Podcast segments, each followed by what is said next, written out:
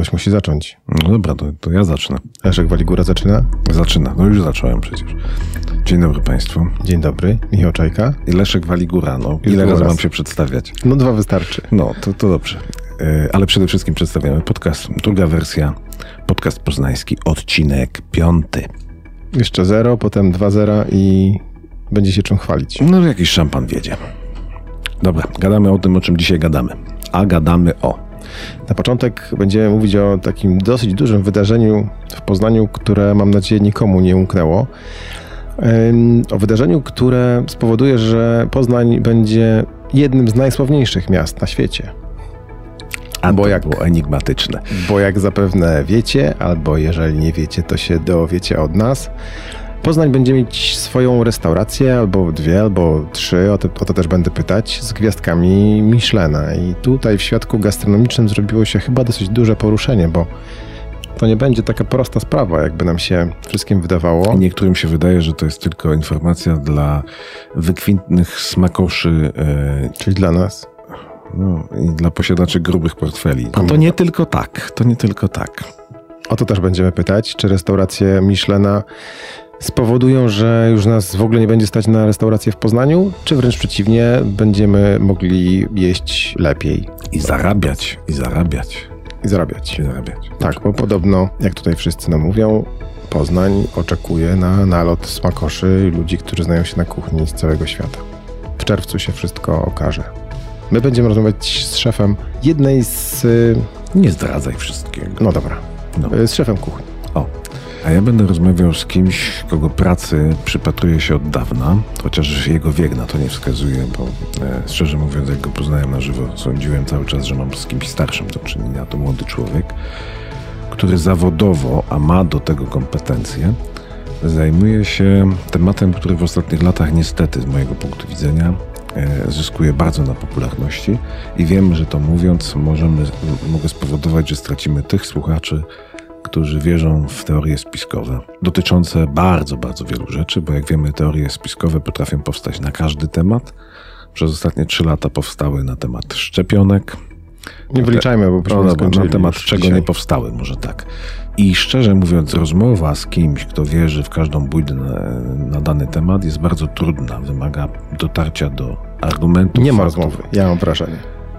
Że to A jest człowiek, no może i nie ma rozmowy, monolog. ale rozmawiam z człowiekiem e, e, w podcaście, który, który pracuje nad tym, który upowszechnia wiedzę i który ma bardzo, bardzo dużo odbiorców e, swojej wiedzy, ale jest zażarty do tego stopnia, że z ludźmi szerzącymi pseudonaukę spotykał się już nawet w sądzie.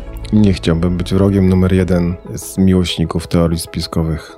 Tu mamy taki przypadek i dzięki Bogu i nauce wychodzi z tego zwycięsko. Trzecim gościem będzie pan profesor ekonomii. I tu od razu powiem, że niestety poniosłem porażkę. Właściwie zastawiłem na siebie pułapkę. Ja już wiem jaką, ale e, szczerze mówiąc nie bądź dla siebie taki brutalny, bo ja się rozmowie z boku przysłuchiwałem. Nie jest źle. Tak, trochę brutalny jestem dlatego, że myślałem, że na każde pytanie, zresztą chyba tak jak my wszyscy trochę, m, da się odpowiedzieć szybko, prosto i przyjemnie. Przynajmniej tym, politycy pokazują, że się da szybko, prosto i Tak, przyjemnie, ale niekoniecznie zgodnie z prawdą. I w związku z tym, że wszyscy to mamy w głowie, przygotowałem sobie do pana profesora ekonomii 15 pytań, albo nawet więcej, pewno około 20 pytań związanych z Było ponad, inflacją. było ponad 20. Było ponad ja widziałem 20. twoje pytania. Było ponad 20 pytań, zadałem jedno. No i ta pułapka, która samego mnie zaskoczyła, pokazała tylko tyle, że y, jesteśmy przyzwyczajeni do takich odpowiedzi, które są odpowiedziami po to, żeby przyciągnąć naszą uwagę, a nie po to, żeby w ogóle pchnąć temat do przodu. No jakbyś zaprosił e, polityka, to w zależności od opcji jeden by ci powiedział, że to wina Tu by padły dwa nazwiska, pewnie Putin i Tusk. I drugi też by powiedział, że to wina y, dwóch nazwisk, Tylko, że innych. tylko że innych. I byśmy mieli wywiad zrobiony w trzy minuty. Pan profesor opowiadał długo i pewno moglibyśmy rozmawiać o tej inflacji jeszcze dużo, dużo dłużej. To ja powiem tak. Ja profe- pana profesora znam również jako student i uważam, że słuchanie takich ludzi ułatwia ży- życie. Mimo, że nie jest łatwe. Nie jest łatwe, ale e, pozwala znać prawdę i przyczyny pewnych zjawisk, a nie pokładać wiarę e, w politykach, którzy idą na skróty, a najczęściej mówią to, co im jest wygodne. Także wywiad z panem profesorem jest na koniec podcastu. Specjalnie dlatego, że jeżeli e, nie będziecie gotowi, może nie tyle na wykład, co na solidne wytłumaczenie, skąd w Polsce wzięła się inflacja, tak wysoka? Nie, to ja ci powiem, ja ci przerwę, ja ci powiem tak, bo ty mówisz o wykładzie, a ja mówię tak. Pan profesor łagodnym głosem, bo z tego słynie, mówi o horrorze, o koszmarnych rzeczach, o brutalnej rzeczywistości. Aż tak źle było? Nie, no było bardzo dobrze, tylko mówimy o rzeczach, które nas wszystkich dotykają. A Czyli 18,5%. 18,5%. Horror, koszmar. No dobra, to już za chwilę opowiemy y, cały wywiad. Wystarczy. Wystarczy. Zapraszamy na drugą wersję i do posłuchania naszych rozmów z naszymi gośćmi.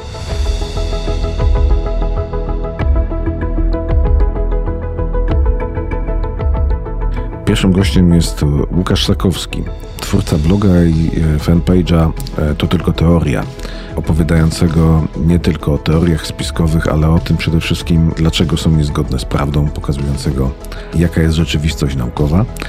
I znanego również z tego, że prowadzi plebiscyt na biologiczną e, bzdurę roku. Człowiekiem, który jest fachowcem w swojej dziedzinie. Zapraszam. Jakie kompetencje ma człowiek, który ośmiela się podważać kompetencje inżyniera Jerzego Zięby, czyli człowieka, który zdaniem jego fanów leczy z chorób, z których nie potrafią wyleczyć lekarze.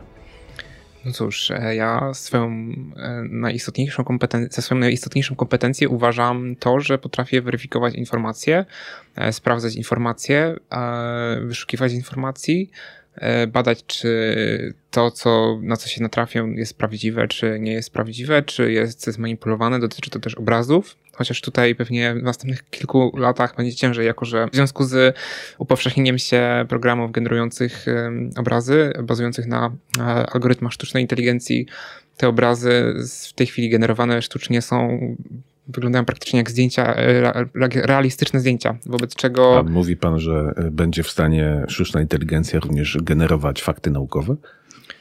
E, czy będzie w stanie odkrywać jakieś korelacje i związki przyczynowo-skutkowe? Myślę, że będzie w stanie. Zależy jak program, program zostanie zaprogramowany. Myślę, że już jest w stanie pomagać w takich rzeczach.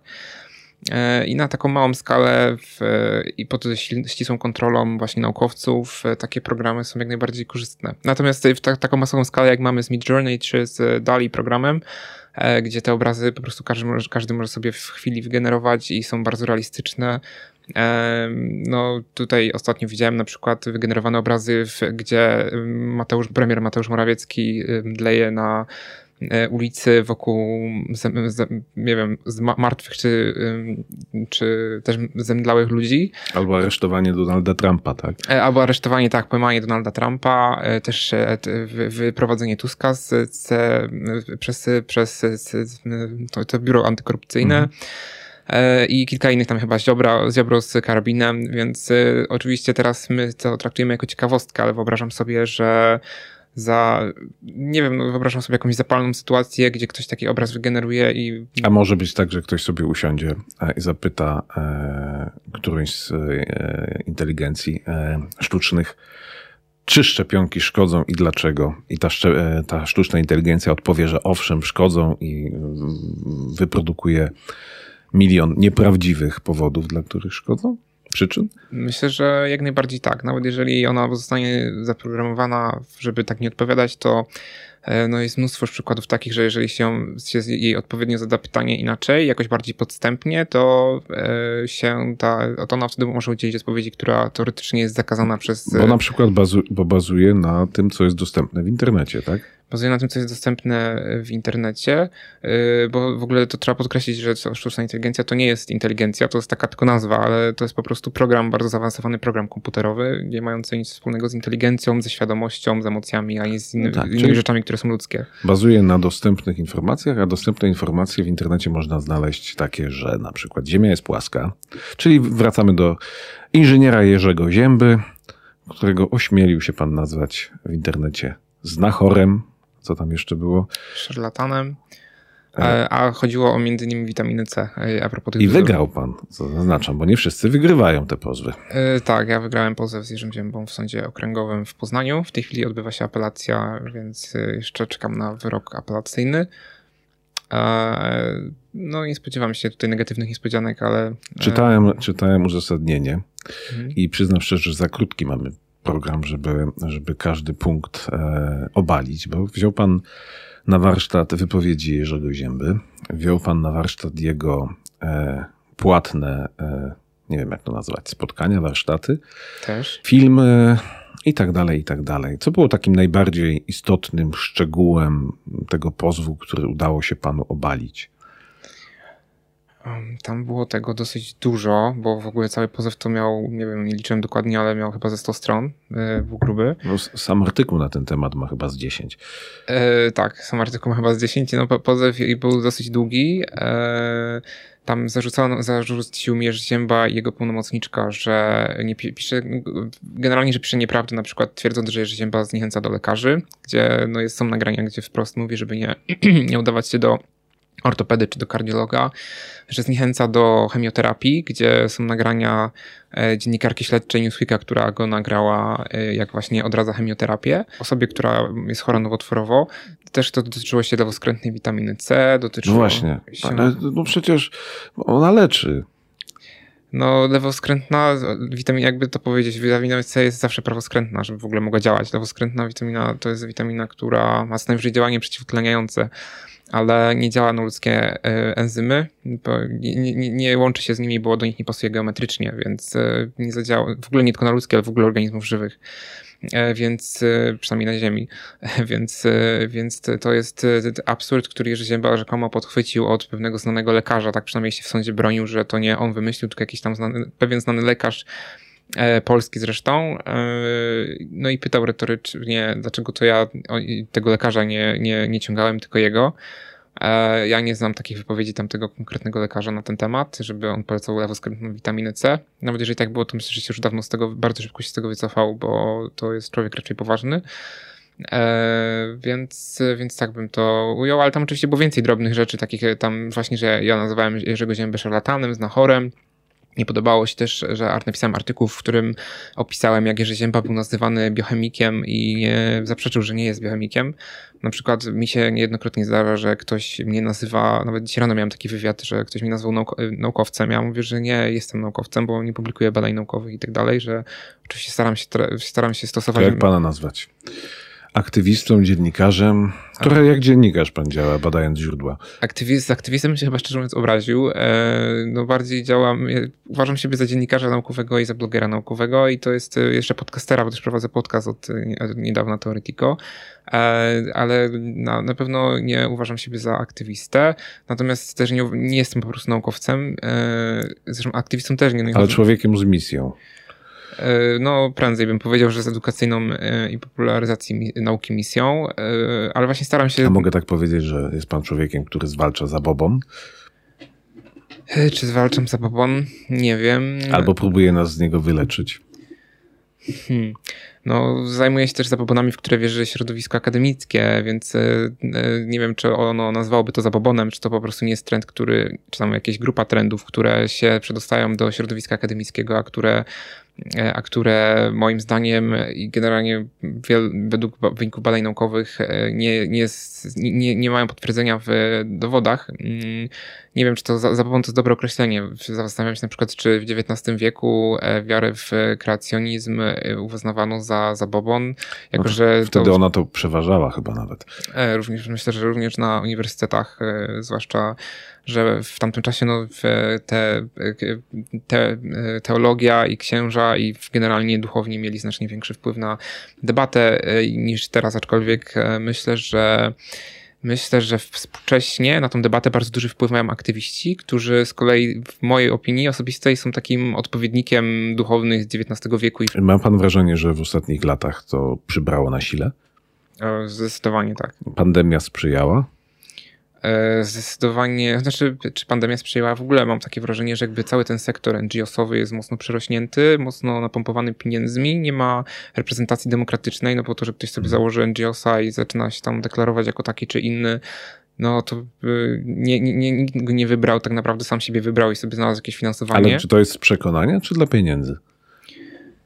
E, podejrzewam, że zależy od osoby. Dla niektórych to będzie działalność z przekonania, dla niektórych działalność z pieniędzy, dla innych jednego i drugiego. No, to dla mnie trochę ciężko sobie wyobrazić, że ktoś dla pieniędzy rozpowszechnia w internecie i nie tylko od lat na przykład przekonania o tym, że smugi kondensacyjne na niebie to jest jak to się nazywa, chemitrails. E, tak. E, rozsiewane, żeby nas wszystkich czymś zarazić albo zakodować.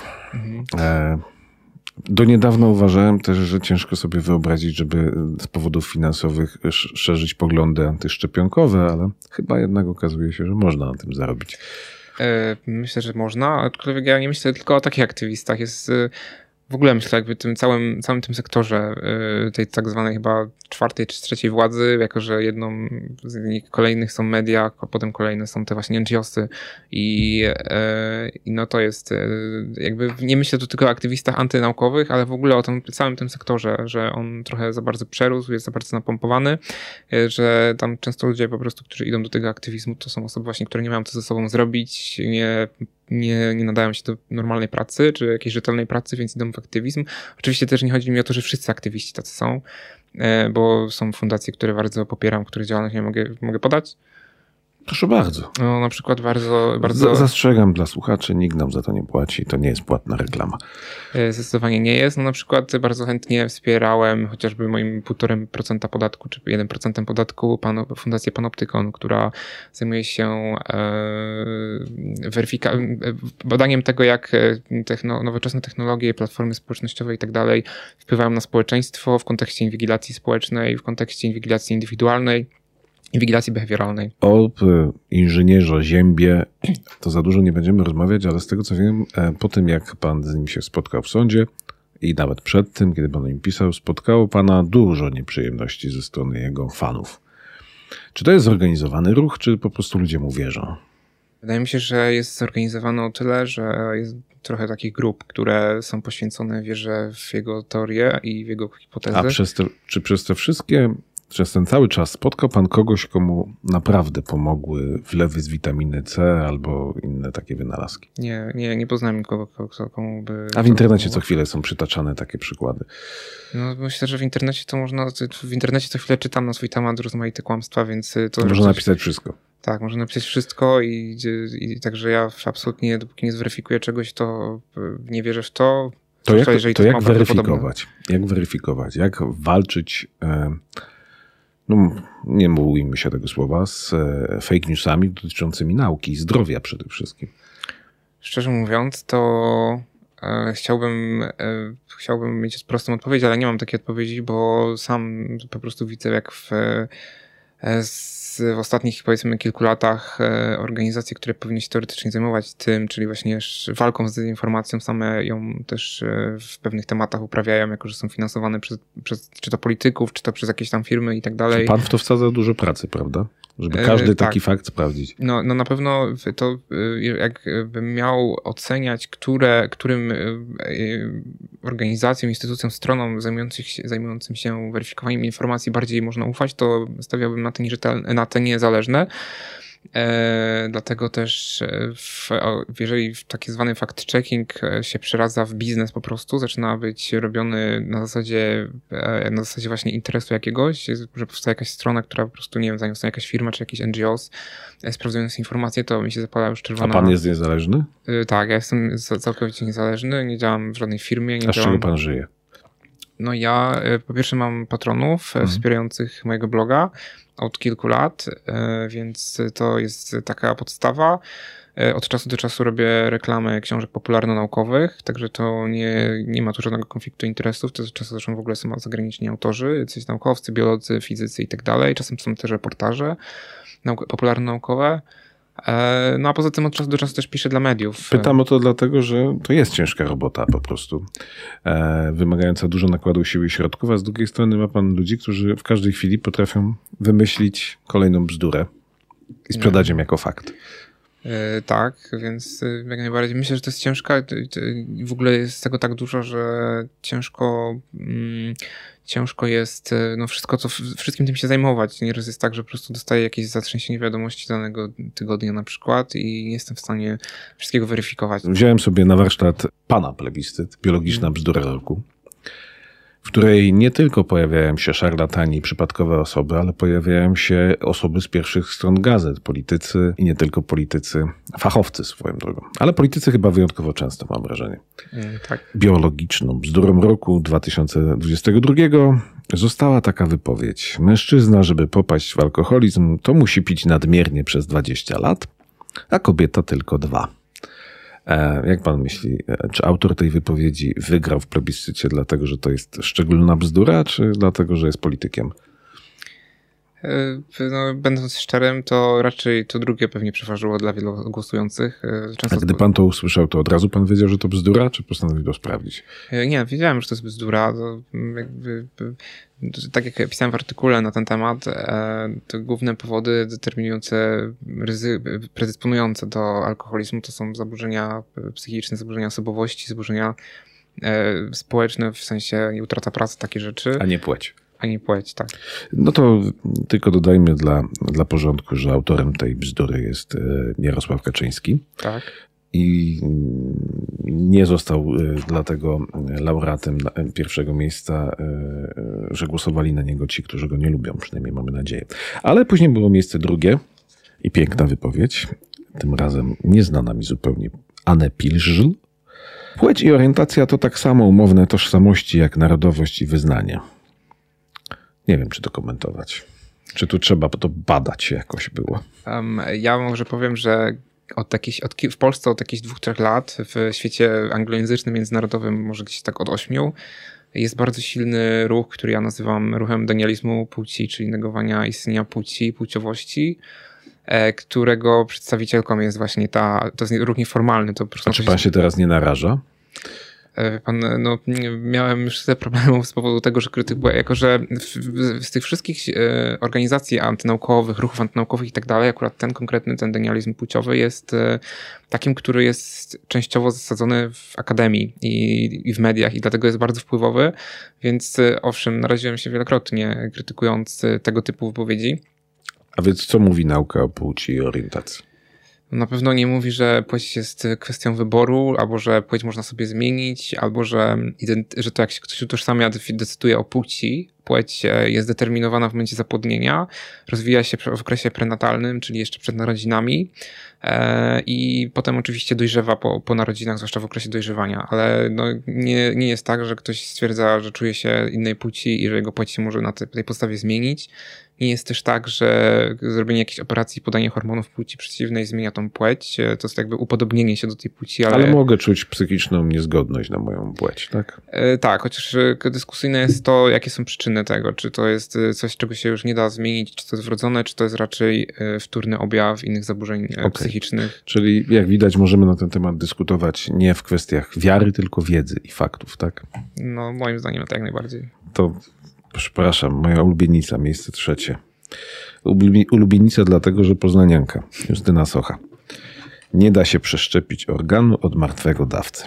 Justyna Socha, czyli znana z działalności Stopnop, już obecnie nie Stopnop, bo się, coś się tam pokłócili. Nie wiem, czy nie wróciła do tego stopnia, ale to już też nie jestem może tak na bieżąco. Nie, nie śledzę. Wiem, że się antyszczepionkowcy, przepraszam, e, osoby, oni się jakoś inaczej nazywają teraz, nie lubią e, sformułowania antyszczepionkowcy. W każdym razie wyraziła się na temat przeszczepów tym razem. Tak.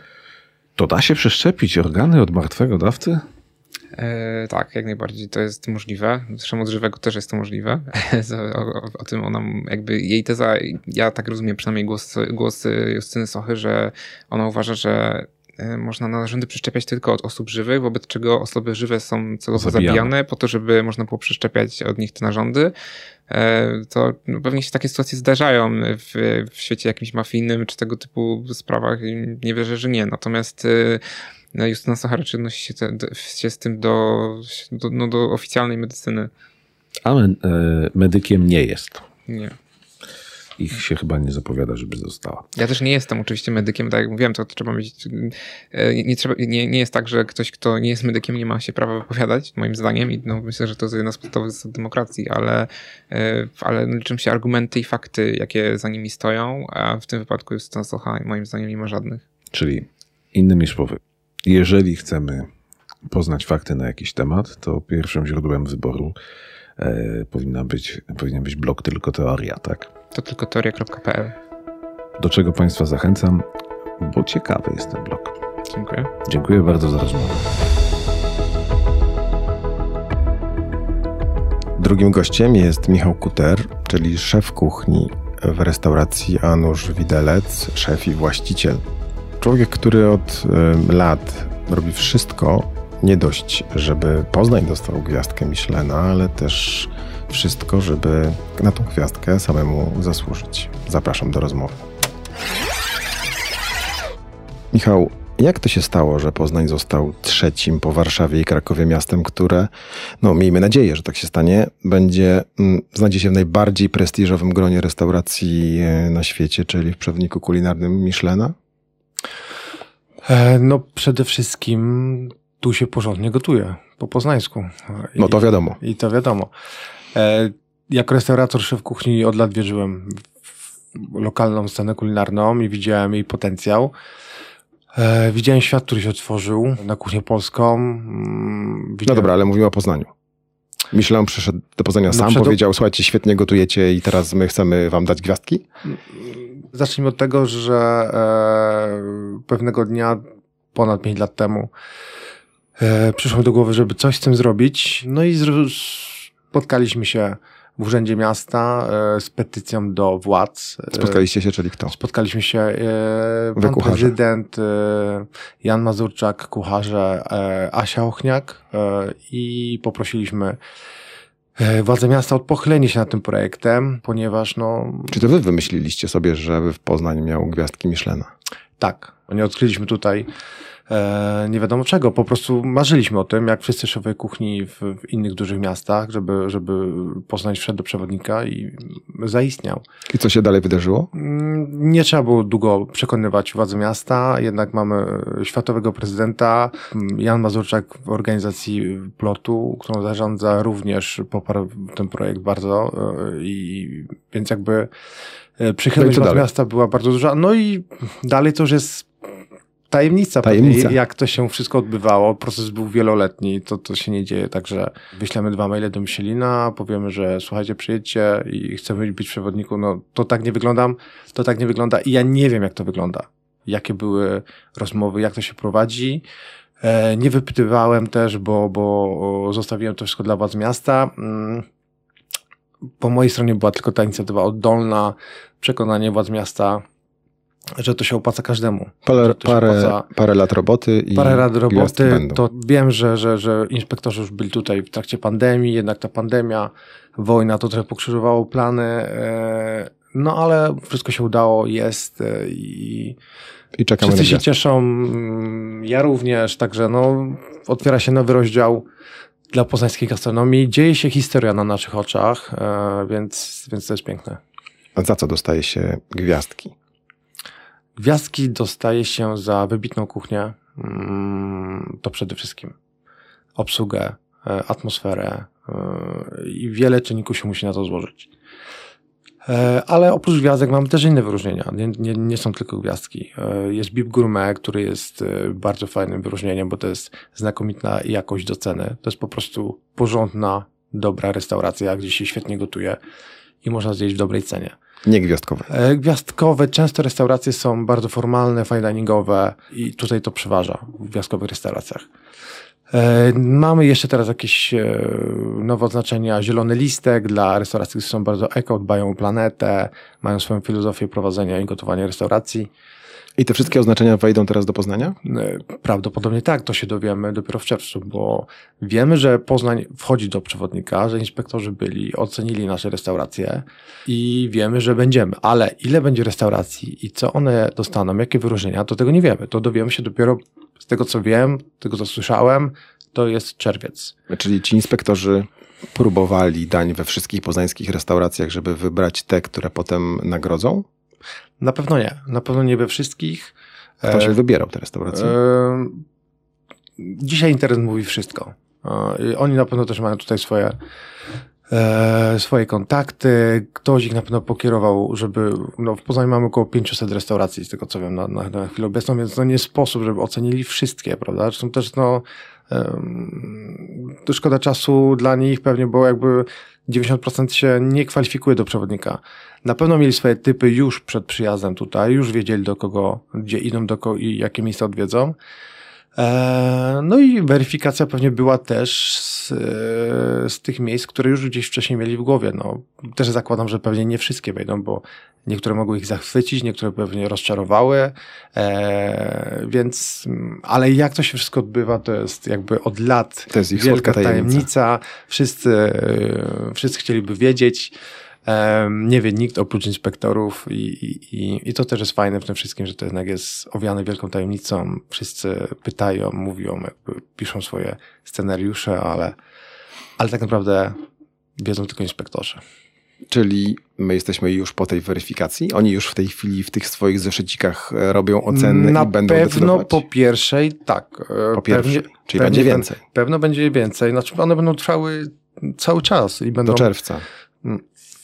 Czyli tego też pierwsza nie selekcja, wiem. druga, tego trzecia. też nie wiem. Na pewno wiem, że skoro jesteśmy w przewodniku, e, skoro oficjalnie o tym powiedzieli, to znaczy, że już e, przeprowadzili kontrolę, zakwalifikowali Poznań, że, że jednak odkryli tutaj e, fajną kuchnię, świetne restauracje i jakość poznańskiej gastronomii spełnia kryteria i warunki na tyle, aby znaleźć się w przewodniku. Natomiast z czym i ile restauracji wejdzie do przewodnika, tego nie wiemy, dowiemy się za dwa miesiące. Mieliśmy dwa miasta gwiazdkowe. Była Warszawa i był Kraków. Poznań będzie trzecim. To nie może być tak, że w każdym mieście mogą być gwiazdki Michelina, tam gdzie są dobre restauracje? Może być.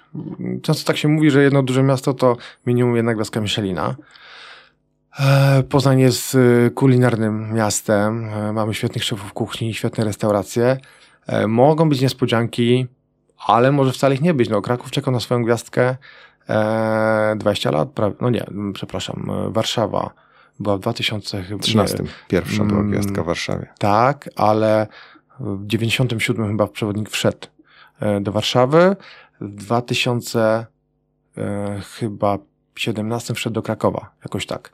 E, no a Kraków dostał swoją gwiazdkę dwa lata temu, znaczy swoją gwiazdkę. No i to jest jedyna gwiazdka, która w tej chwili jest w Polsce, tak? Tak, to jest jedyna gwiazdka. Bo obydwie warszawskie restauracje upadły. Tak, e, tamte nie istnieją, a natomiast w Warszawie e, szef kuchni Andraka Mastra, mój, mój kolega e, z restauracji Senses, który jako drugi dostał gwiazdkę Michelina w Polsce, otworzył nową restaurację swoją, Nutę, gdzie też wybitnie gotuje i pewnie ta gwiazdka wcześniej czy później się tam pojawi. Czyli ci inspektorzy też y, są w tej chwili w Krakowie, w Warszawie, w innych miastach? Czy oni tam są, to, to ja tego nie wiem, mm, ale na pewno byli. Na pewno byli, czy oni są teraz robią kontrolę, czy, czy nie, to tego nie wiemy.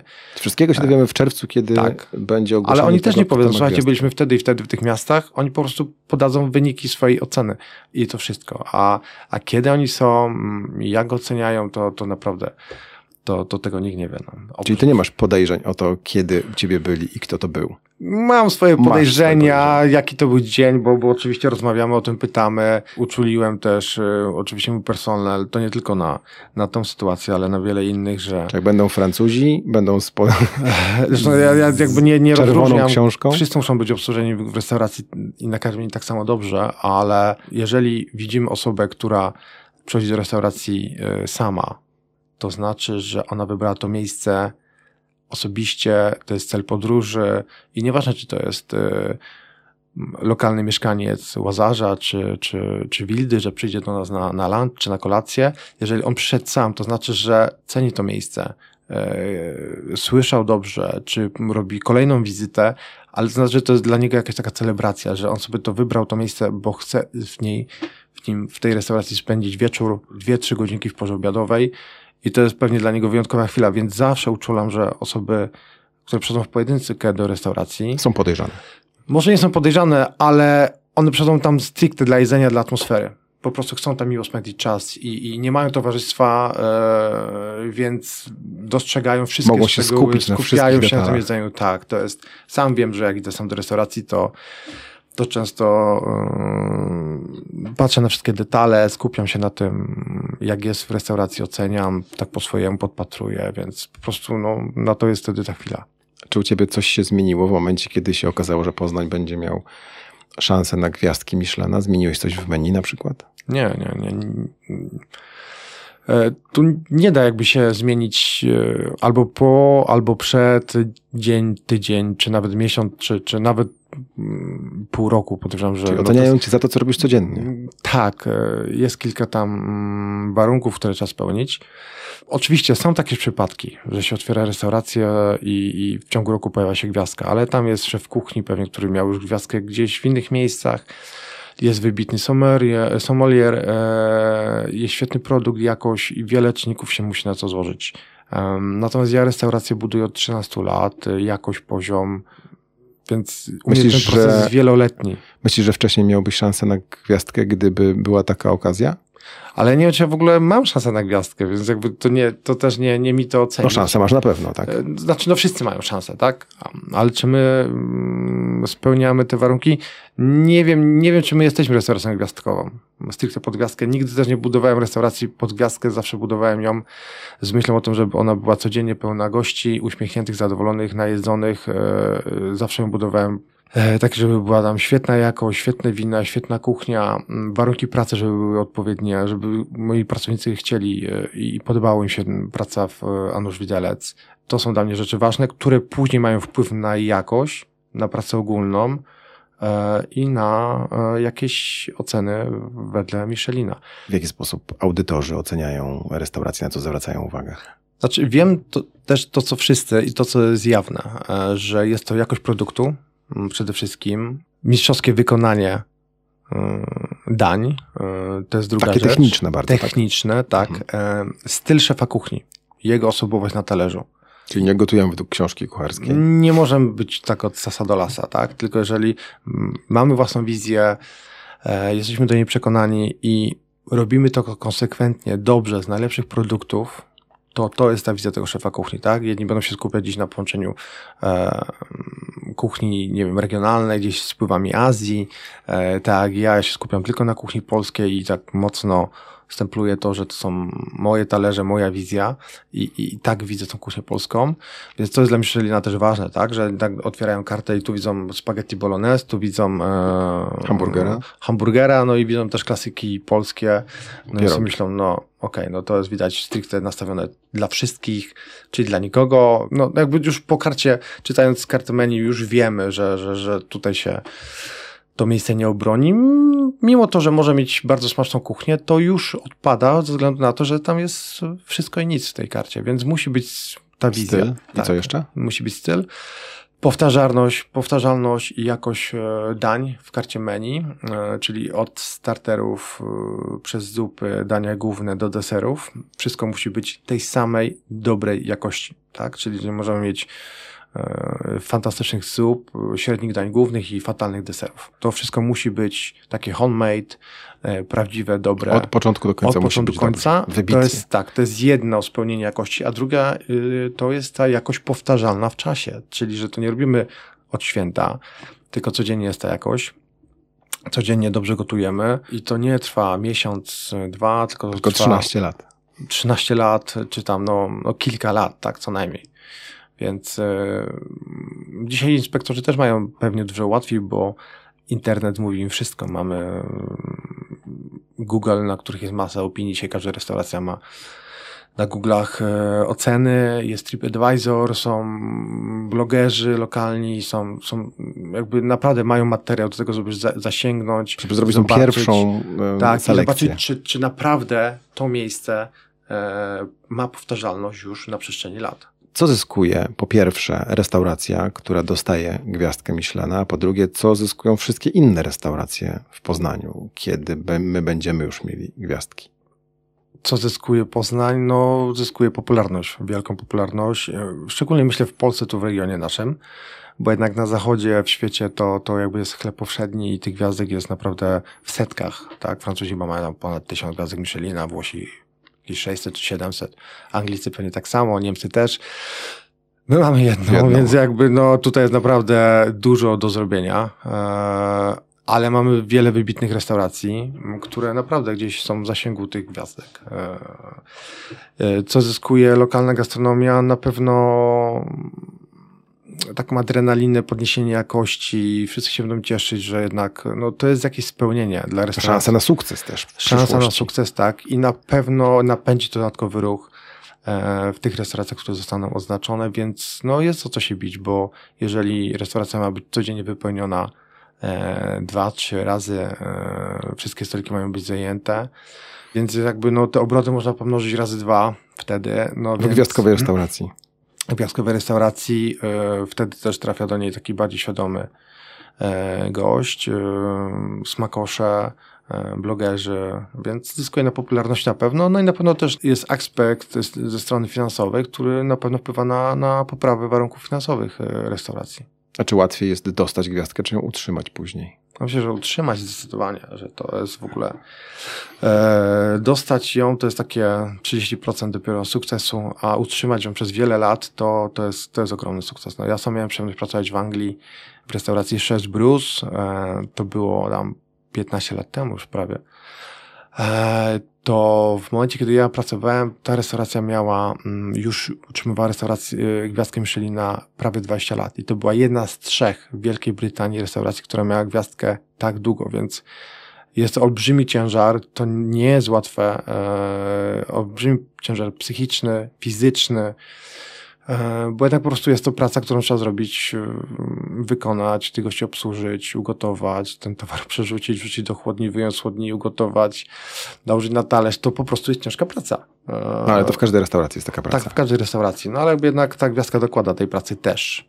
Właśnie, czy koszty na przykład wzrastają w momencie, kiedy restauracja dostaje gwiazdkę? Nie, bo gwiazdka jest dana za wykonaną już pracę, więc ale oczywiście to, to zależy od, indywidualnie od restauratora, od szefa kuchni. Trzeba obserwować, jak się po prostu, jaki klient wtedy do nas przychodzi, jaki gości i czego oczekuje. Czy on będzie oczekiwał kuchni regionalnej bardzo, czy on będzie oczekiwał trufli i homara. Ja na przykład bym nic nie zmienił, bo uważam, że jakby jeżeli ktoś e, chce nam coś dać, to za to, co robimy na co dzień, co zostało zrobione, a nie za to, co możemy i potrafimy, i, e, bo to są dwa różne dwa różne światy.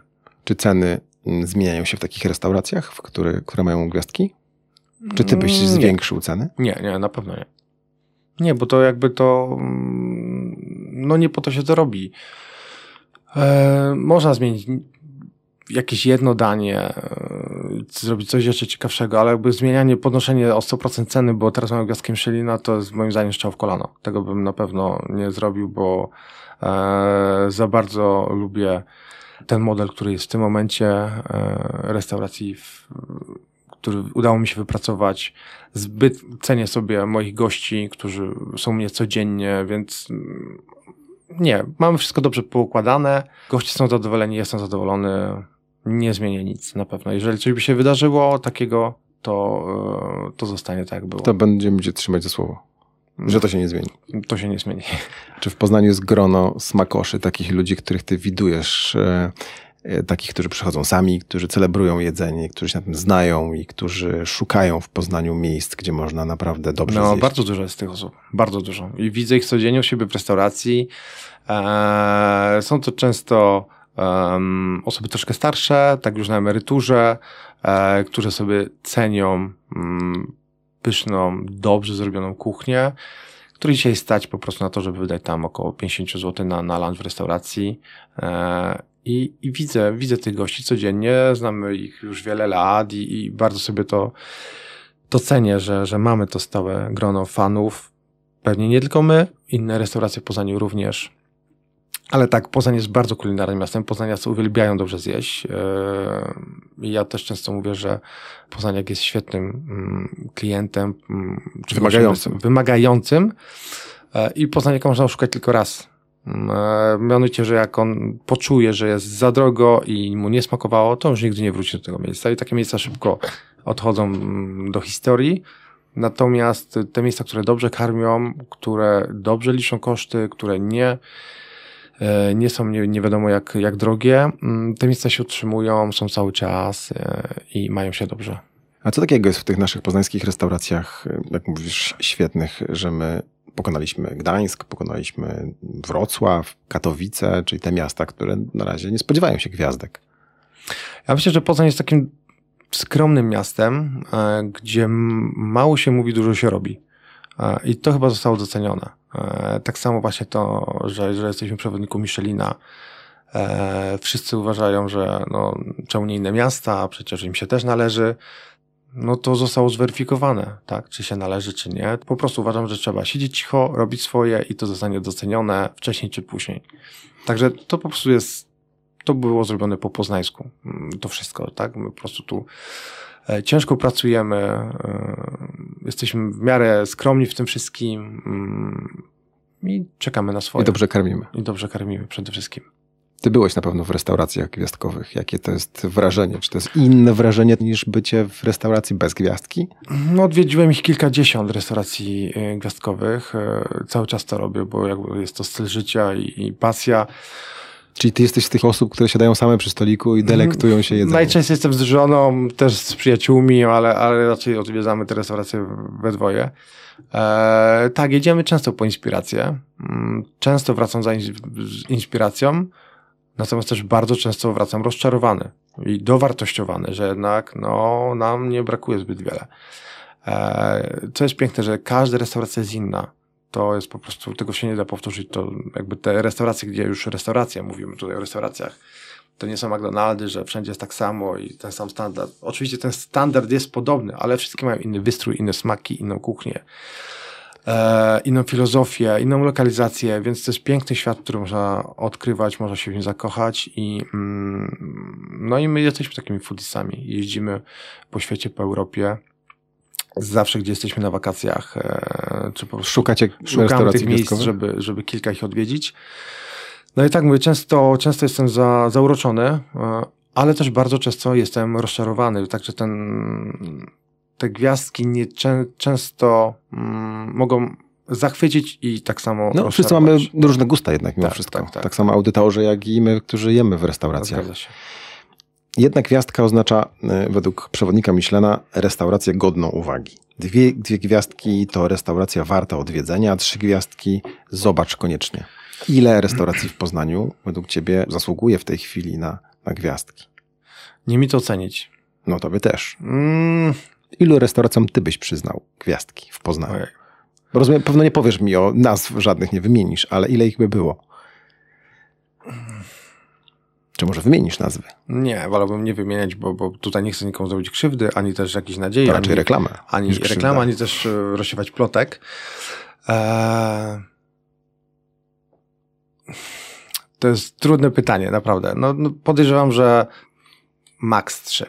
Poznań też nie jest bardzo dużym miastem, tylko jest takim w średnim, mm, więc jakby patrząc też na, na inne tej wielkości miasta, to, to nie ma więcej niż pięć gwiazdek Michelina, więc jakby na początek to jest takie w sferze marzeń. Jakby pięć w sumie.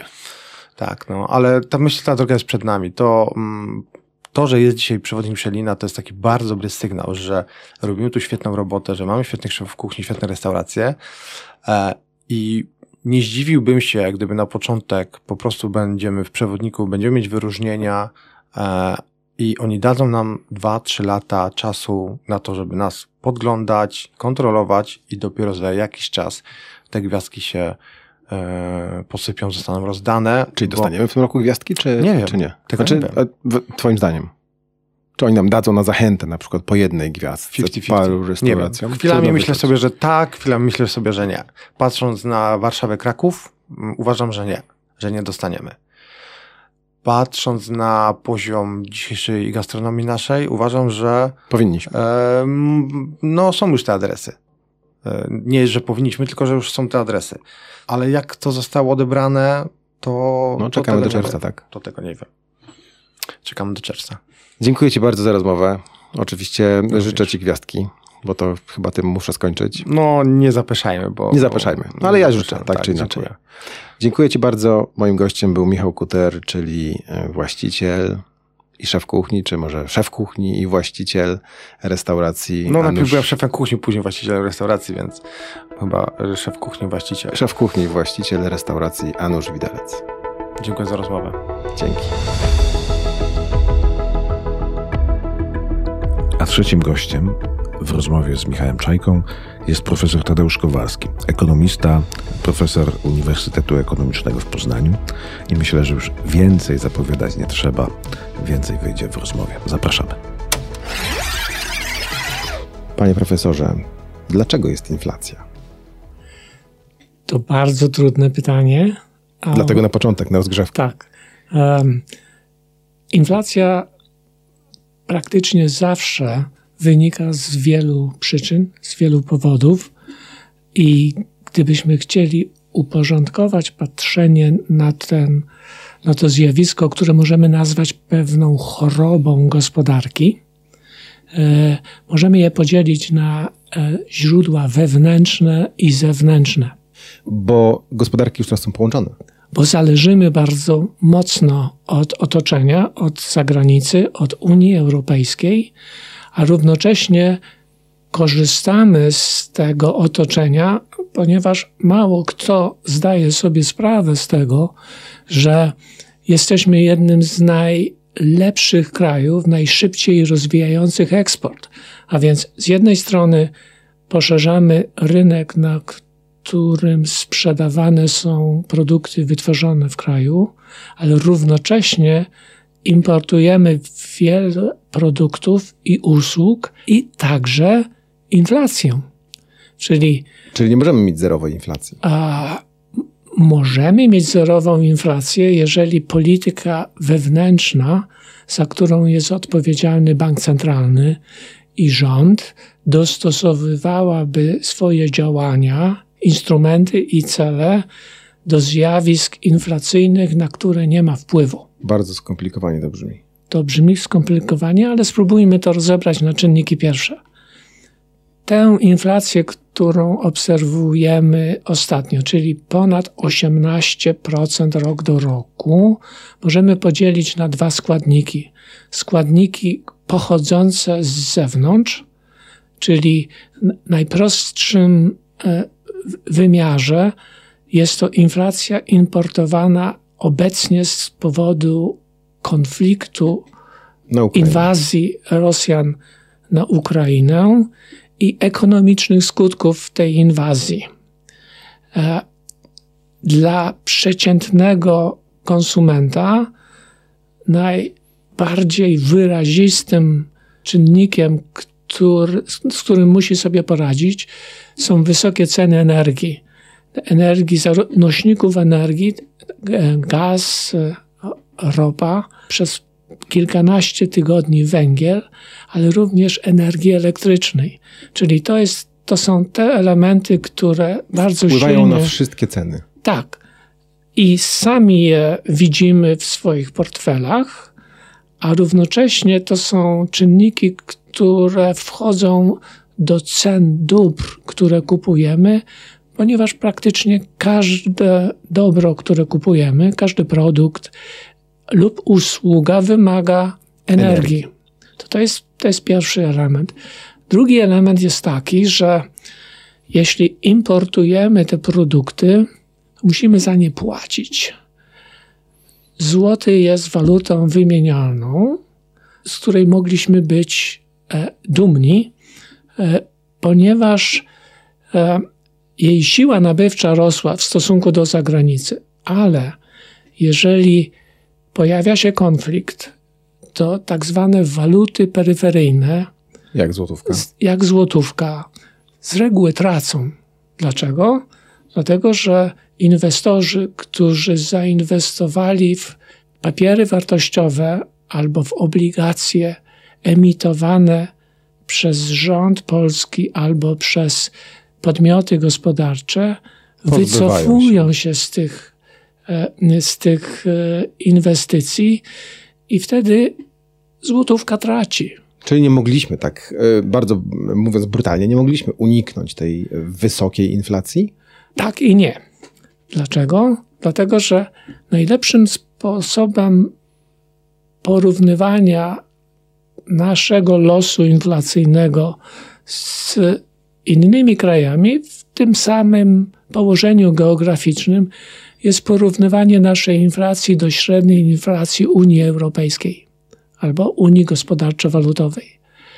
I tutaj mam złą wiadomość, bo nasza inflacja, ten, ten czynnik, który, o którym mówiłem, zewnętrzny, nasza inflacja jest przeciętnie dwa razy wyższa niż w krajach Unii Gospodarczo-Walutowej, co oznacza, że oni też ucierpieli na skutek e, wojny. Czynników i zewnętrznych. Czynników zewnętrznych, ale my dwa razy bardziej. A lepsza polityka gospodarcza, mniejsza koncentracja na rynku e, paliw i energii, wszystkie te elementy razem wzięte sprawiły, że ta inflacja, na którą oni cierpią, jest przeciętnie dwa razy niższa niż nasza, co sugeruje, że coś stało się po naszej stronie. Musimy cofnąć się do 2019 roku. Już w 2019 roku, czyli przed wybuchem wojny i przed e, COVID-em, tempo inflacji w Polsce zaczęło rosnąć. I to był pierwszy dzwonek alarmowy. To był pierwszy dzwonek alarmowy, bo to oznaczało, że e, źródłem tych kłopotów nie były zakłócenia zewnętrzne, tylko były działania podejmowane wewnątrz kraju. Wymienię dwa. Od 2016 roku rząd bardzo silnie wspomagał gospodarkę przez wydatki na cele socjalne. Gospodarka rozwijała się i bez tych dodatkowych impulsów całkiem dobrze, ale rząd, e, kierując się interesem politycznym, politycznym i chęcią e, wygrania wyborów. wygrania wyborów i zadowolenia swojego elektoratu, forsował aktywną, prowzrostową politykę gospodarczą, uwaga, głównie opartą na stymulowaniu konsumpcji. Czyli wydawaniu pieniędzy. Wydawaniu pieniędzy, czyli rosła konsumpcja, bank centralny e, nie odbierał należycie wcześnie sygnałów o rosnącej presji inflacyjnej i prowadził łagodną politykę pieniężną. Czyli już wtedy należało podnosić stopy. Już wtedy należało się troszczyć i badać i być może gdybyśmy mieli niezależny bank centralny w pełnym tego słowa znaczeniu, bo on formalnie jest niezależny, ale stopniowo rząd PiSu, zgodnie z, z harmonogramem wymiany składu Rady Polityki Pieniężnej, obsadził ją wyłącznie swoimi nominatami. Takimi, które, e, którzy e, są wybierani według, zgodnie z konstytucją. Przez, ale według klucza politycznego. Według klucza politycznego. A więc mamy formalnie niezależny bank centralny. Uwaga, przed 2015 rokiem to był jeden z najlepszych banków centralnych w Europie. No, Co? taki bank, który przeszedł suchą nogą, przeprowadził nas przez kryzys tak. 2008 I, roku. I to był bank, który cieszył się bardzo wysoką wiarygodnością. Wiarygodność to jest najważniejsza rzecz, którą, na, na którą powinien pracować bank. Ważna, niedoceniana waluta. Niesamowicie. Dlaczego? Dlatego, że e, niezależny i wiarygodny bank centralny czasami tylko interwencjami słownymi jest w stanie wpływać e, hamująco na oczekiwania inflacyjne. I, no, i teraz co mamy? Mamy rząd aktywnie pobudzający gospodarkę przez wydatki, wydatki socjalne. Przez rozdawanie nam pieniędzy. Przez rozdawanie pieniędzy. Mamy bank centralny, który nie odbiera wczesnych sygnałów i, e, i w połączeniu mamy dwie aktywne, prowzrostowe polityki gospodarcze, które kontynuowane przez długi czas sprawiają, że tempo, przepraszam za techniczne wyrażenie, tempo absorpcji wewnętrznej, czyli tempo przyrostu popytu konsumpcyjnego głównie, wyprzedza tempo wzrostu produkcji. Czyli w 2019 roku już trzeba było e, zacząć rozdawać mniej pieniędzy albo w ogóle ich nie rozdawać. I, a to jest niemożliwe z politycznego punktu widzenia. To na pewno. Czyli proszę zobaczyć, jeżeli byśmy rzeczywiście uznali, że za horyzont, za progiem pojawia, pojawia się presja inflacyjna, to rząd e, powinien redukować ekspansyjną politykę fiskalną, a bank centralny powinien wypuszczać sygnały, że w ocenie banku centralnego ta jednostronna polityka pobudzająca e, gospodarkę może grozić pojawieniem się trwałych napięć inflacyjnych. A było wręcz odwrotnie. A było wręcz odwrotnie. Na usprawiedliwienie musimy e, zauważyć, że no niestety pojawia się COVID. COVID był wstrząsem zewnętrznym, na który nie mieliśmy żadnego wpływu, który doprowadził z jednej strony do troski albo do, mm, do, do wydatków konsumpcyjnych ze względu na lockdown, a w następnym kroku do pewnych zakłóceń w podaży dóbr i usług.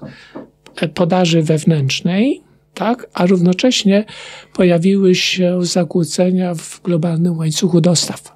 I na to nie byliśmy też przygotowani. Na to nie byli, jak nikt, nikt jak nie nikt. był. I teraz proszę zwrócić uwagę, ten pierwszy sygnał inflacyjny został e, zignorowany, potem pojawia się COVID i sytuacja covidowa e, zakłóca odbiór procesów inflacyjnych, bo pojawia się okresowo deflacja.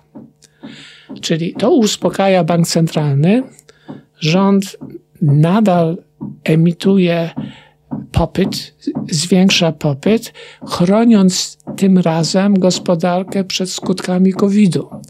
Więc ten epizod covidowy wyraźnie zakłócił nasze, e, naszą troskę i nasze patrzenie na, na inflację. A której też zresztą nie było wcześniej. Dokładnie.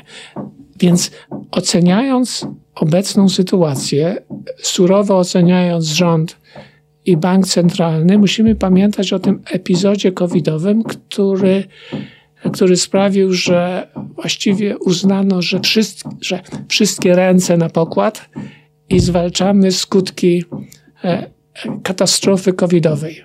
No dobrze, katastrofa covidowa przeszła, nie przeszliśmy e, jej dobrze. E, mamy jedną z najwyższych w Europie skalę nadmiarowych zgonów, czyli to z ekonomicznego punktu widzenia pokazuje, że z jednej strony stan zdrowotności społeczeństwa nie był wysoki, a z drugiej wyraźnie sygnalizuje, że musimy poprawić dostęp do służby zdrowia. Czyli wydawać pieniądze. Czyli wydawać pieniądze.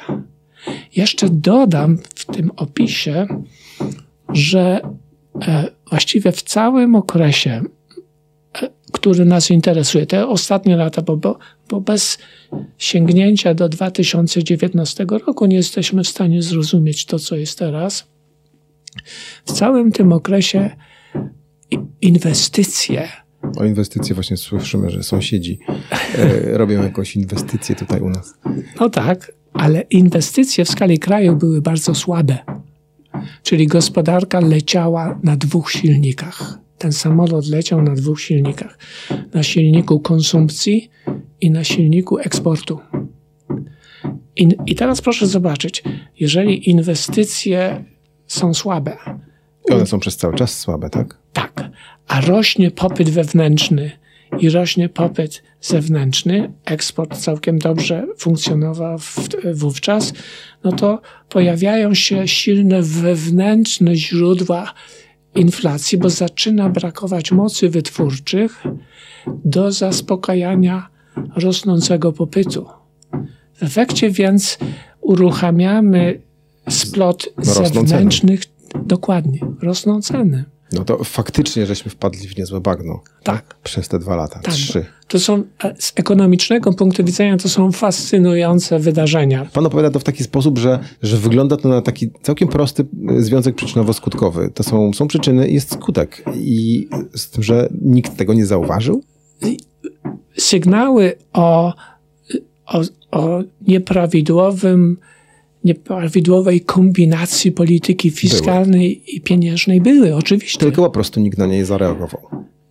E, ci, którzy powinni zareagować i nie zareagowali, nasze społeczeństwo, szczególnie w okresach względnej prosperity, e, nie ma w zwyczaju zagłębiać się w jakieś poważniejsze, e, poważniejsze analizy i żegluje tak jak wiatr i żagle. Od zakupów do zakupów.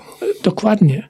I, i, no i teraz proszę zobaczyć, że mamy tę taką niekorzystną dla gospodarki kombinację łatwej polityki pieniężnej i, i, i, i polityki fiskalnej stymulującej popyt wewnętrzny, przychodzi atak Rosjan na Ukrainę i pojawiają się jeszcze silniejsze zakłócenia. Tym razem zewnętrzne. Te wspomniane przez, przez nas e, kwestie energii, a potem zakłócenia dostaw, czyli właściwie w tych ostatnich latach szliśmy od, od tragedii kryzysu do tragedii, od kryzysu do kryzysu. Dokładnie.